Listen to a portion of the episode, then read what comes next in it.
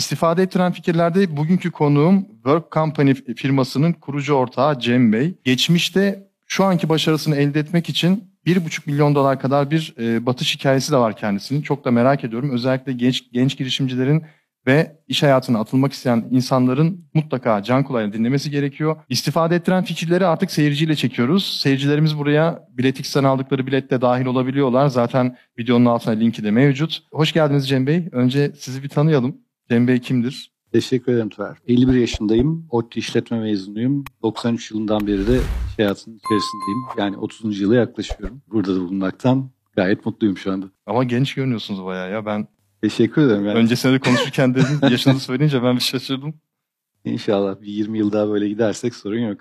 Süper inşallah. Biraz bahseder misiniz? Yani Cem Bey bu işi nasıl kurdu? Yani Work Company'yi ben biliyorum. Daha önce hatta Work Company ile ilgili videoda çekmiştik. Ve bu firmanın özellikle girişimcilere yatırım yap- yapıyor olması benim çok ilgimi çekmiş. Çünkü Türkiye'de en büyük ihtiyaç bu. Ve dolayısıyla böyle bir firma kurma fikri de kolay kolay herkesin aklına gele- gelebilecek bir e, özellik değil. Merak da ediyorum. Geçmişinizi merak ediyorum ben özellikle sizin Cem Bey'in. Üniversite yıllarından sonra iş kurma hayatınız, o bahsettiğiniz bir buçuk milyon dolar nasıl battı? Biraz onlardan Yok, sonrasında bahsederseniz. kat kat fazlasını kazandırdık yatırımcılarımıza ama batışta tabii oldu. Öncelikle şeyden başlayayım. Work Company bizim e-ticaret ekosistemindeki finansman ve yatırım sağlayan bir şirketimiz. Bunun bir üstünde aslında bizim bir venture capital fonumuz var Adida Capital. Dolayısıyla aslında asıl genetik miras oradan geliyor. İDA tarafında da teknoloji girişimlerine ya da teknoloji tabanlı inovatif girişimlere yatırımlar yapan bir platformun sahibiyiz. Onun öncesindeki gene genetik mirasla diyeyim işte girişim sermayesi ya da private equity denen bir sektörün içerisinde bir profesyonel olarak çalıştım uzun yıllar. Dolayısıyla son 20-25 yılım benim tamamen yatırım dünyasıyla geçti. Aslında Work Company'nin bugünkü haline geliş sürecinin hikayesinin arkasında bu var. Şu anda yaptığımız işi daha sonra biraz daha detaylarına gireceğim ama önemli olan neye bakıyoruz? Çok büyüyen yepyeni sektörlerin neler olabildiğini olabildiğince erken görebildiğimiz ve görebildiğimize inandığımız bir birikimimiz ve algımız var. E-ticaret sektörü de zaten büyüdü ama daha kat kat büyümeye devam edecek bir alan olduğu için burada da önemli miktarda zamanımızı, emeğimizi, paramızı e, bu işe yatırdık. Geçmişe gelirsem, şeyi sordun hani para batırma hikayesini sordun. Yine onun bir adım gerisine gideyim. Benim ailem, ben aslen Kırşehirliyim. Hatta babamın e, bir kırtasiye dükkanı vardı. E, Benim hayatım ortaokulda tezgahtarlıkla başladı. Ve Kalem satmak, silgi satmak, ansiklopedi satmak. Yani satış hayatımızın bir parçası oldu. Dolayısıyla al-sat işini öğrenme aslında biraz aileden e, geliyor. Sonra işletme, zaten işletme biliyorsun ekonomi ve, ve finansla ilgili bir bölümdür. Yani işin okullusu iyi bir de bence Türkiye'nin en iyi okulu. ODTÜ'den mezun olup bu iş hayatına atıldık. İş hayatına atıldığımda aslında şunu biliyordum. Beyaz yakalı olarak çalışmak istemiyordum. Yani maaşlı bir iş yerinde çalışmak istemiyordum. Ve neler yapmayacağımı da biliyordum. Yani dolayısıyla işte denklemi böyle daraltınca geriye girişimcilik kalıyor. En başta birkaç yıl ya da 3-5 yıl danışmanlıkla geçti. Buradan biraz paralar kazandım ve o danışmanlık işlerinden yazılım geliştirme işleri gündeme geldi. İşte 2000'li yılların başları. Ve biraz erken bir öngörüyle lojistik işinin dünyada çok büyüyeceğine inandım ve e, bir e, lojistik optimizasyon yazılımı geliştirme işine girdim. Yani biraz 20 yıl erken girdim o işe. Yalnız bayağı iyi. 20, 2000'in başında Ee, şimdi zaten girişimcilere öğütler e, fırsatı görün ama doğru zamanda girin. Fazla erken girmek de bazen e, problem olabilir. Gerçekten de arkadaş harita uygulamaları, işte rotalamalar, ürünlerin işte malları indirdiğimiz, depo uygulamalarıyla ulaştığımız siparişleri alan falan koca devasa bir yazılım geliştirmeye başladık. Bunda hani batırma bölümü de şu. Aynı zamanda savunma sanayi şirketlerinde de yazılımlar yapan ufak bir şirkettik. Bir ara 15 kişilik bir ekibe kadar büyüttüm işi. İşte Fransa'dan büyük müşterilerimiz oldu. Aslında onlardan ciddi para kazandık. Yani o bir buçuk milyon dolar hikayesi odur. Oradan, Hı. oradan bir para Yani Siz kazandık. kazandığınız parayı aslında batırdınız. Aynen öyle. E, Ama tabii borç aldığımız parayı da batırdık sonrasında. İki ayağında anlatacağım. Bir taraftan kazandığımız para var ama öte taraftan da inandığım ve büyüyeceğini düşündüğüm yepyeni bir uygulama geliştiriyoruz. O uygulamayı geliştirmek için ciddi emek harcadık. Müşteriler bulduk. Türkiye'nin büyük bütün lojistik şirketleri, büyük fabrikaların hepsinin içerisine girip çıkmışımdır birkaç yıl içerisinde. 2005'e kadar geldik. En sonunda çok büyük yani şu anda Türkiye'nin en büyük lojistik firmalarından bir tanesini e, yazılımımızı sattık. Bir buçuk yıllık bir geliştirme süresi gerekiyordu. Çünkü öyle özel istekler geliştirdiler ki kesinlikle yapabileceğimize inanıyorduk. Yaptık da ama teslim zamanı geldiğinde bu sefer firma dedi ki biz işte Almanya'nın ya da dünyanın en büyük işte ERP yazılımını satın aldık. Size bu işi veren yönetici de işten ayrıldı. Dolayısıyla bu yazılımı almaktan vazgeçtik. Sözleşme yok mu peki? Ah bizde sözleşme var dedik. O zaman bize ödeyeceksiniz. Ne yaparsanız yapın dediler. Dava etti. Çatır çatır alacağız parayı diye.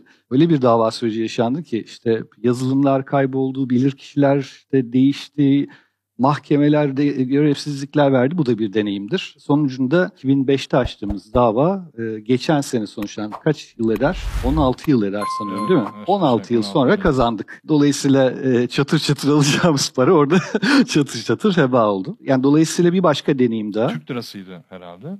Yani euroydu ama sonuçta şey yok. Yani bilir kişiler işte orada işte 100 euroluk alacağımız 20 euroya düştü işte vesaire vesaire. Bir de zamanda alınmadıktan sonra ne şey var? Yani çünkü o sıradaki borçlar ve şeyler katlanarak gidebiliyor. İkinci deneyimde o dolayısıyla girişimcilere ne oldu? Hukuk sisteminin çok hızlı işlemediği bir ülkede ki bizim ülkemiz öyle ne yazık ki. Sözleşmeye sadece dayanarak iş yapmayın biraz daha güvenceye almaya çalışın kendinizi. Bu da ikinci deneyim oldu. Üçüncü tarafta batırılan para tarafında şu anda ben bu girişimi kursam venture capital yatırımcısı olabilecek pek çok yatırımcı var e, piyasada. Yani bana sermayedar ortak alabilirim. Borç ortağı almak zorunda değilim.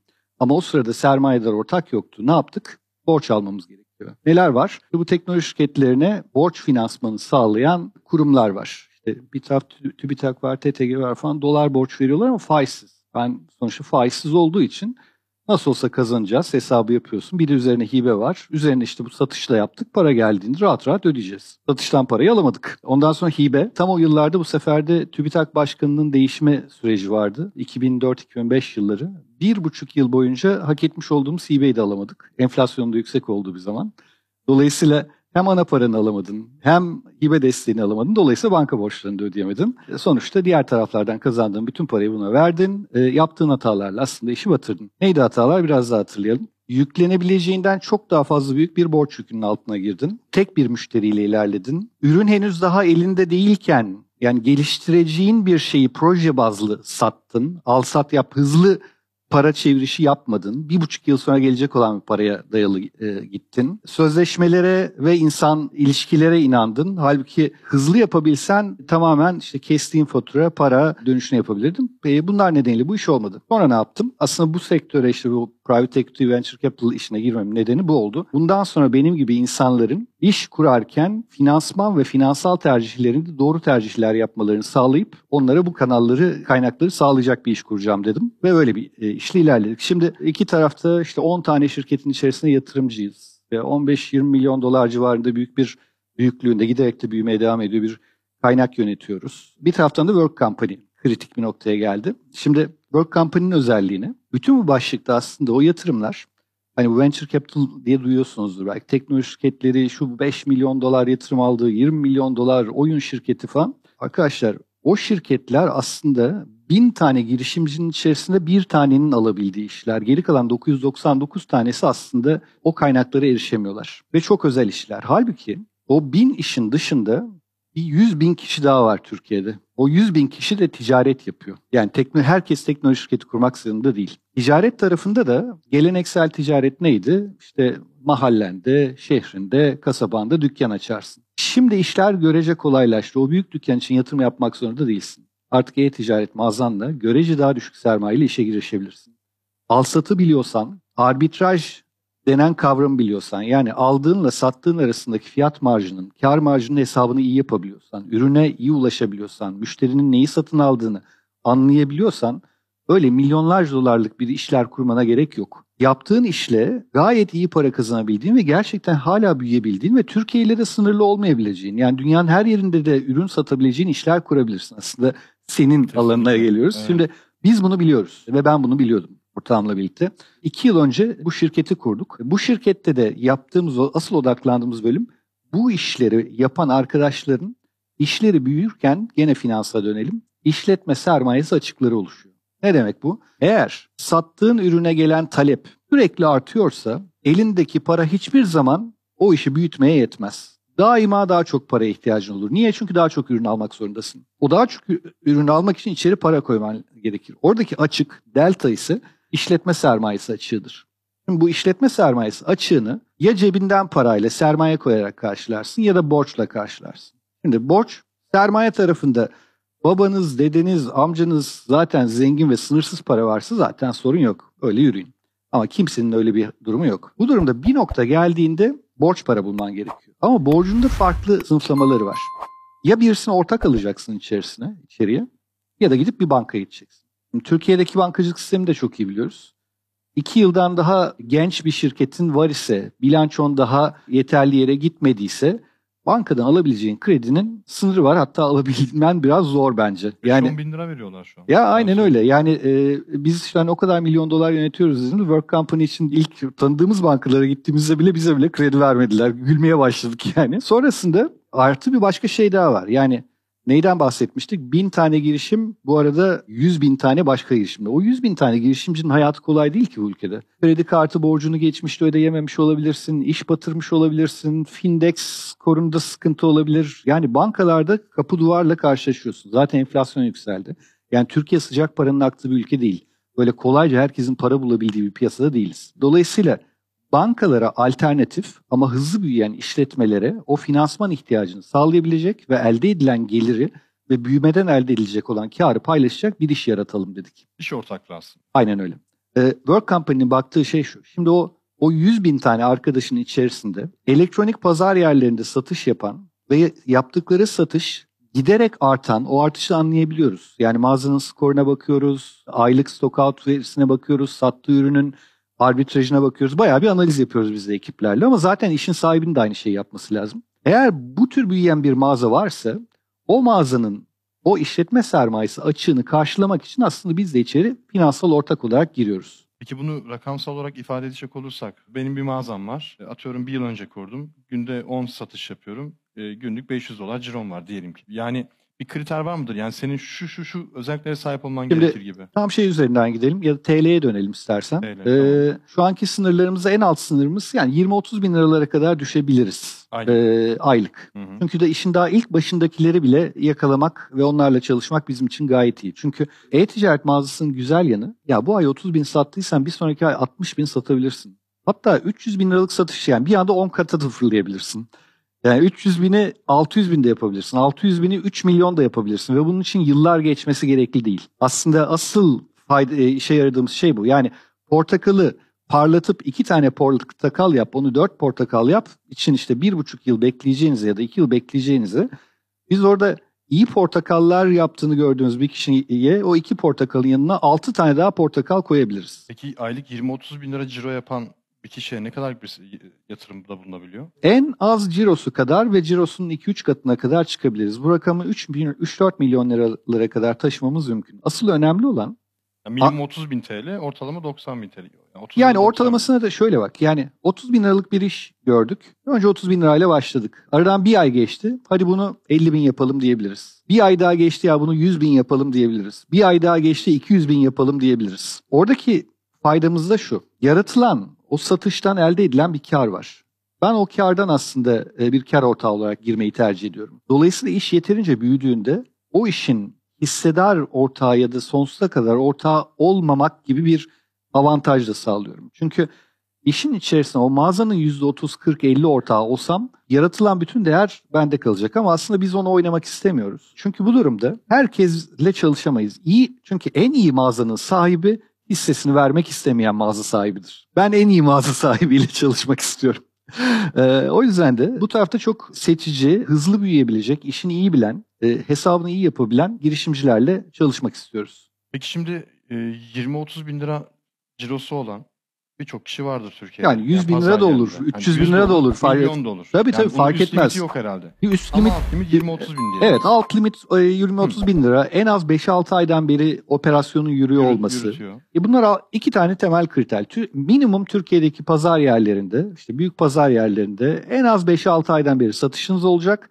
En az 20-30 bin liralık bir satış hacmine yani çarkın yani tekerin ilk dönmeye başladığını göreceğiz. Peki siz dediniz ki bana geldiniz tamam Tuğer 50 bin TL sana yatırım yapıyoruz. Ne kar ediyorsan da karına ortağız dediniz. Peki ne kadar sürecek bu ortaklık? Yani ben 50 bin TL'yi ödeyince bitirince mi yoksa belli bir e, süre ee, Bir süremiz yok Tuğer. Ee, her yani? yani şöyle o 50 bin liralık işlemden gelir paylaşımıyla payımızı aldıktan sonra biz zaten sana ya bu iş çok iyi oluyor Tuğer bunu 80 bin lirayla yapmak ister misin diye geleceğiz. Sürekli artacak o zaman. Yani sen aslında evet ya da hayırı söylüyorsun. Peki ben Orada bir şeyimiz ki yok. daha fazla para istemiyorum. Sağ olun sizin yaptığınız yatırım sayesinde ben güzel karlar elde ettim. Ee, Artık param da var, sermayem de var.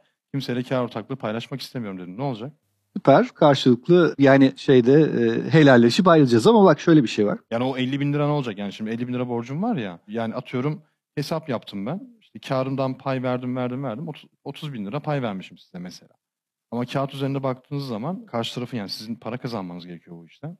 Ha şu, Bir şöyle. ana paranız da var. Tabii tabii ortada. ben ana param ana paramda belli bir şeyde alacağım. Şimdi kabaca şöyle bir hesap yapalım. Zaten bütün pazar yeri girişimcilerinin bu hesabı yapması lazım. Pazar yerlerine çok büyük bir komisyon gidiyor. Değil mi? Yani %15 ile 30 arasında değişebiliyor bu. Tercihen aslında iyi satacakları ürünü ürünü 100 liraya mal ediyorlarsa satış rakamları 180-200 lira civarında olması lazım ki arada bunun lojistiğini, pazar yerine verdiğin komisyonunu vesairesini çıkar ve hala sana da en az bir %30-40 civarında bir kar oranı kalsın. Eğer böyle bir denklem var ise bizim yaptığımız şey ne oluyor dolayısıyla? Sen 100 liralık malı aldın 180 liraya ya da basitleştireyim hani 200 liraya sattın. 100 liralık kapasiten var. Ben senin sana bir 100 lira daha verdiğimde aslında bu sefer 200 liralık mal çektim. Satışın da 200 değil 400 lira oldu. Aslında ekstradan 200 lira girdi havuza. Ekstradan 200 lira girmiş olduğu için havuza ben zaten kendi 100 liramı da alıp üzerime kendi kar payımı da alabilecek kadar aslında bir gelir yaratmış oluyoruz. Bu şu anki e, mevcut işbirliği yaptığımız arkadaşlarda bunu 30 gün içerisinde yapanlar da var. Böyle 90-120 gün içerisinde de yapanlar da var. Ama sürekli yapanlar var. Ya böyle zaten e-ticaret pazar yerinde mağazada iyi para kazanmanın yolu arbitrajın olduğu ürünleri ve zamanları yakalamaktan geçiyor. Yoksa yani sen zaten %5-6 ya da %10'luk kar marjlarıyla bir dükkan işletiyorsan yani dükkan bir yerde çakılır diye düşünüyorum. Yap, ötür ürünler de vardır hani satışı arttırabilmek için ama şeyin içerisinde, ürün gamı içerisinde sana bu marjları kazandırabilecek ürünleri yakalamanız zaten sizin yani ben e, de kendi işimi yaparken hani tezgahtarlığından başlayan e, bölümde bile zaten bu tür ürünleri aramak lazım. Onu da nasıl yakalıyorsun? Yani ürünü yakaladın. 200 liraya satabileceğin ürün 100 liraya da alabileceğini gördün. Ama satıcı da diyor ki bana minimum sipariş 1000 tane sipariş vereceksin. Kaç liralık? İşte o sırada demek ki 300 liralık sipariş vermen gerekiyor. Cebinde 100 lira var. İşte tam o noktada bana geleceksin.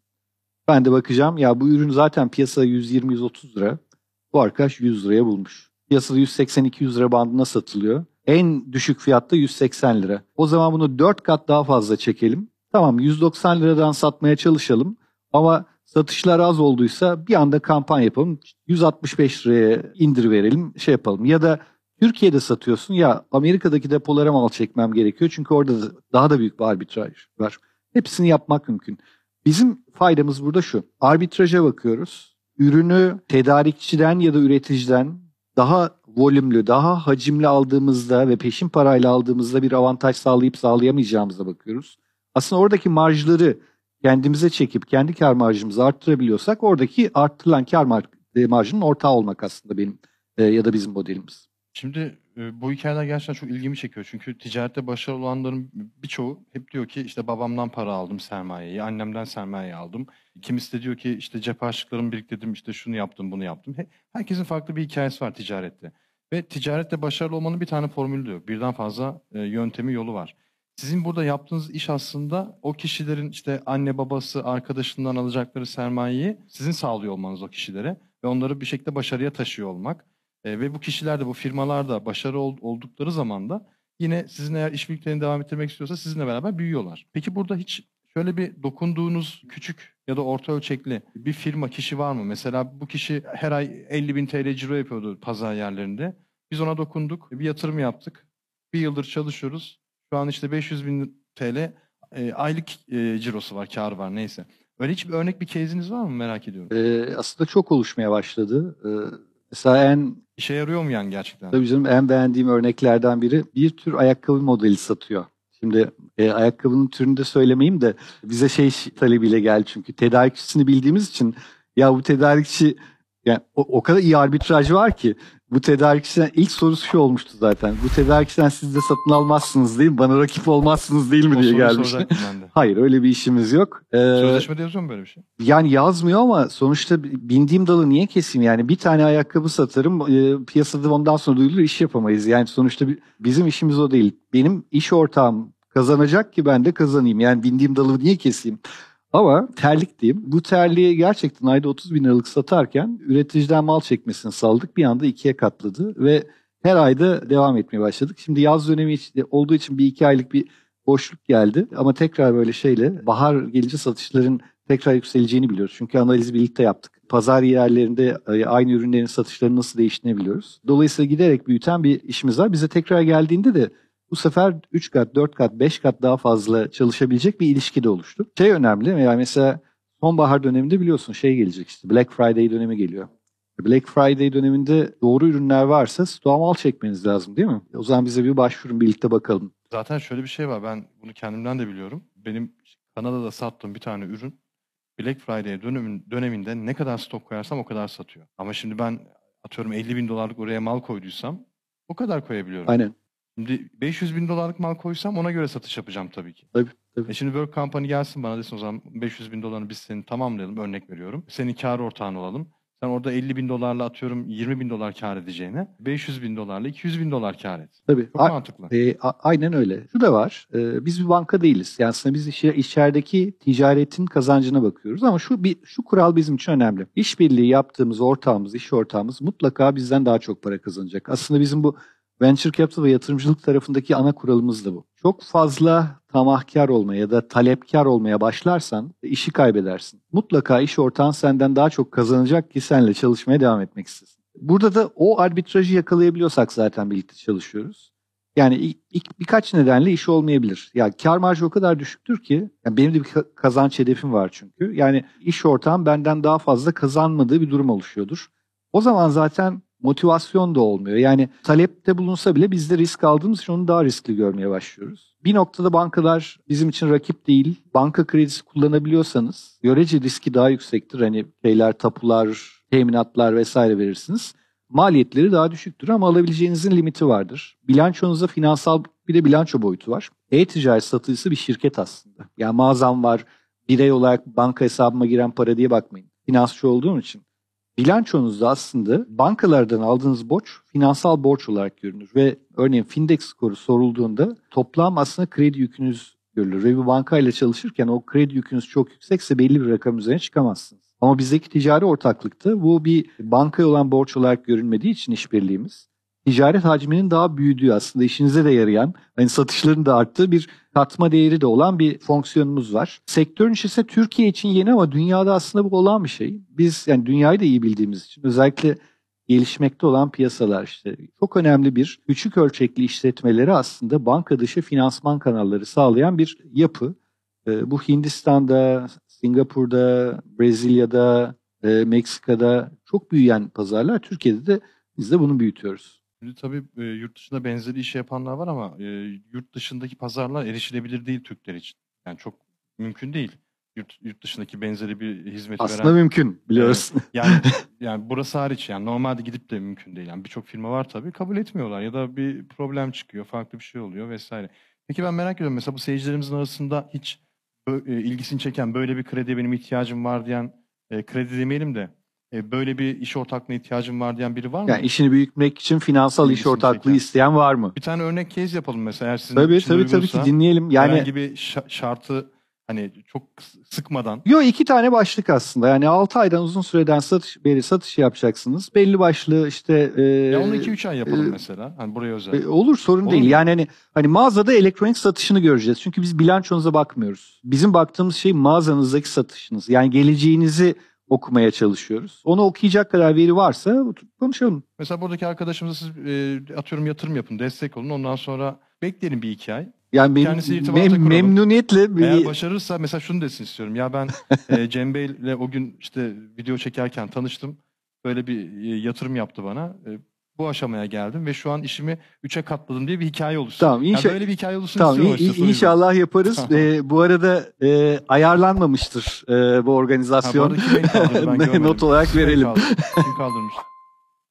Beyefendi. Ee, merhaba Mehmet Ercengiz ismim. Not aldığım sorumla çok simultane zamanlam e, zamanlaması çok iyi oldu. Cem Bey'e bir sorum olacak. Yaptığınız yatırımlara dediniz ki 30-40 bin 20-30 bin lira ciro su yeterli. Oradan başlayabilir. Evet. Peki bunun bir üst limiti var mı ya da hani paylaşırsanız? Ee, yaklaşık 3 milyon liraya kadar e, gidebilir. Rakam yükseldikçe ama bizim de e, inceleyip sık dokuma şeyimiz artacaktır ama evet yani şu anda 30 bin lirayla 3 milyon lira arası bir pencere e, hareket alanımız. Anlıyorum verdiğiniz örneklerde. Mesela gerçekleşmiş hani paylaşmayı uygun görürseniz gerçekleşmiş en büyük yatırımınız nedir? Artı geri dönüş süresi ne olmalı? Böyle bir soru soracağım. Şeyde bu operasyon yaklaşık bir 6 ay önce örnekleriyle başladı. Daha yeni başladık. Ee, en büyük rakamlarımız 130-140 bin liralar boyutundayız henüz. Çünkü o 3 milyon liralık boyu da bir anda 3 milyon lirayla başlamak doğru değil. Her seferinde katlaya katlaya gittiğimiz ve tanıdığımız bir oyuncuya, iş ortağına o rakama kadar gidebiliriz. Ee, yani dolayısıyla şu anda şey 150 bin bandında gidiyoruz. Biraz daha iyi oturmuş olanlarda. Süreler bazında konuşmanın başında şeyden bahsetmiştim ya. İlk işimin başarısız olma gerekçeleri. Sattığınız ürünün parasının geri dönüş hızı çok uzundu. Bir buçuk yıl sonra alacaktık. Yani dolayısıyla aslında hızlı satılabilen bir ürün olması lazım. Pazar yerinde müşterilerin dönemsel boyuttan görece bağımsız olarak talebinin çok olduğu ve iyi bir arbitraj olmasına rağmen sıkıştığımızda yani paraya sıkıştığımızda fiyatı aşağı çektiğimizde hızlıca elimizden çıkarabileceğimiz bir mal grubu olması lazım. Bu boyutuyla bakarsak yani biz minimum 30 günlerden maksimum 90-120 günlere kadar değişen bir stok çevrim hızıyla yani o 100 tane aldığınız ürünün 3'ün 90. günde tamamını satabilmiş olduğunuzu görebilmek isteriz. Şöyle bir şey var. Yani nereden biliyorum satacağımı? Yani birlikte de onu değerlendiriyoruz. En kötü senaryo. Üçüncü ay geldi. 100 taneden 80 tanesi satıldı. Hala 20 tane elde var. Yani malın fiyatını aşağı çekip yani kardan artık feragat ettiğimizde satılabilecek bir malsa zaten o riske girilir. Bunun gibi örnekler verebilirim. Yani şu anki çalıştığımız arkadaşlardaki e, ortalama dönüşler e, 30-45 günlerde bir tanesiyle bir 90 günlük işlem yaptık. Gitgide de sayıyı artırıyoruz. Bu binlerce olacak. Yani kısa sürede onu biliyoruz ama. Sizin var mı böyle bir desteğe ihtiyacınız? E, Çok teşekkür ederim. Limitleri öğrenmek istedim. Programdan sonra görüşebiliriz. Ee, arkadaşlarım da burada benim ekibimden. Şeyde birlikte çalışmaktan memnun oluruz. Ee, asıl yaptığımız şey çok analitik bir şekilde yürüyoruz. Yani öyle kağıt, sepet işleri olabildiğince az. Tek baktığımız pazar yerlerindeki elektronik veriniz. Yani bize mağazanızın API key'ini bizle paylaştığınızda aslında anında biz bütün o e, analizimizi, ürün, karlılık, stock out zamanları aslında işin fotoğrafını çekip bu işin olup olmayacağını hemen söyleyebiliyoruz. Çok kısa şunu ekleyeyim. Tuğer Bey'in e, sorusu hani var mı böyle bir ihtiyacınız dediniz ya. Şeye bağlayayım. Orada da bir keyword aldım. Söylediğinizden bir anahtar kelime aldım. Ne kadar yatırım yaparsanız yapın. Talepler büyüdükçe her zaman sermayenizi büyütmeyin. Tabii. Ya, ben teşekkür ederim. Teşekkür ederiz. Ee, umarım büyütürüz. Mutlaka konuşalım sizle. Belki de biz bu vesileyle tanıştırdığımız için bir gün siz de belki konuk olursunuz buraya. İşte ben Cem Bey'le tanıştım bakın hatırlatırız bugünü. Ee, şu oldu bu oldu anlatırsınız inşallah başarırsınız. Yani bizim e, Ee, aslında Söz ama yani bu e, bu videonun yayınlanmasından ya da bu toplantı içerisinden e, çalıştığımız iş Tabii. arkadaşları çıkarsa mutlaka birlikte gelelim. umuyorum.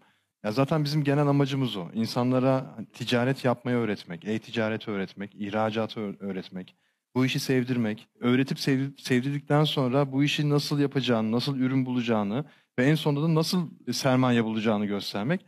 Artık şu an aslında baktığınız zaman şey gibi, ben kendimi burada şey düşünüyorum, bir ahçı gibi düşünüyorum. Bütün malzemeleri aldık, yemeği nasıl pişireceğimizi tarif ettik, e, ocağın altında yaktık. Hadi diyoruz yağını koy, malzemeleri üst üste koy, karıştır sadece yani başka bir şey yapmana gerek yok. Ee, bir şey daha ekleyeceğim. Ee, yani hep para konuştuk ama sadece para mı veriyorsunuz? Hayır. Arkada Work Company daha işe başlamadım, mağaza satışlarım yok, yeni başlayacağım diyorsan şirketini kuruyoruz. O operasyonda pazar yerlerinde ilk mağazamı açacağım diyorsan destek oluyoruz. Türkiye'de yapıyorum ben bunu, Avrupa'da ve İngiltere'de başlamak istiyorum diyorsan İngiltere'deki mağazanın şirketini kuruyoruz.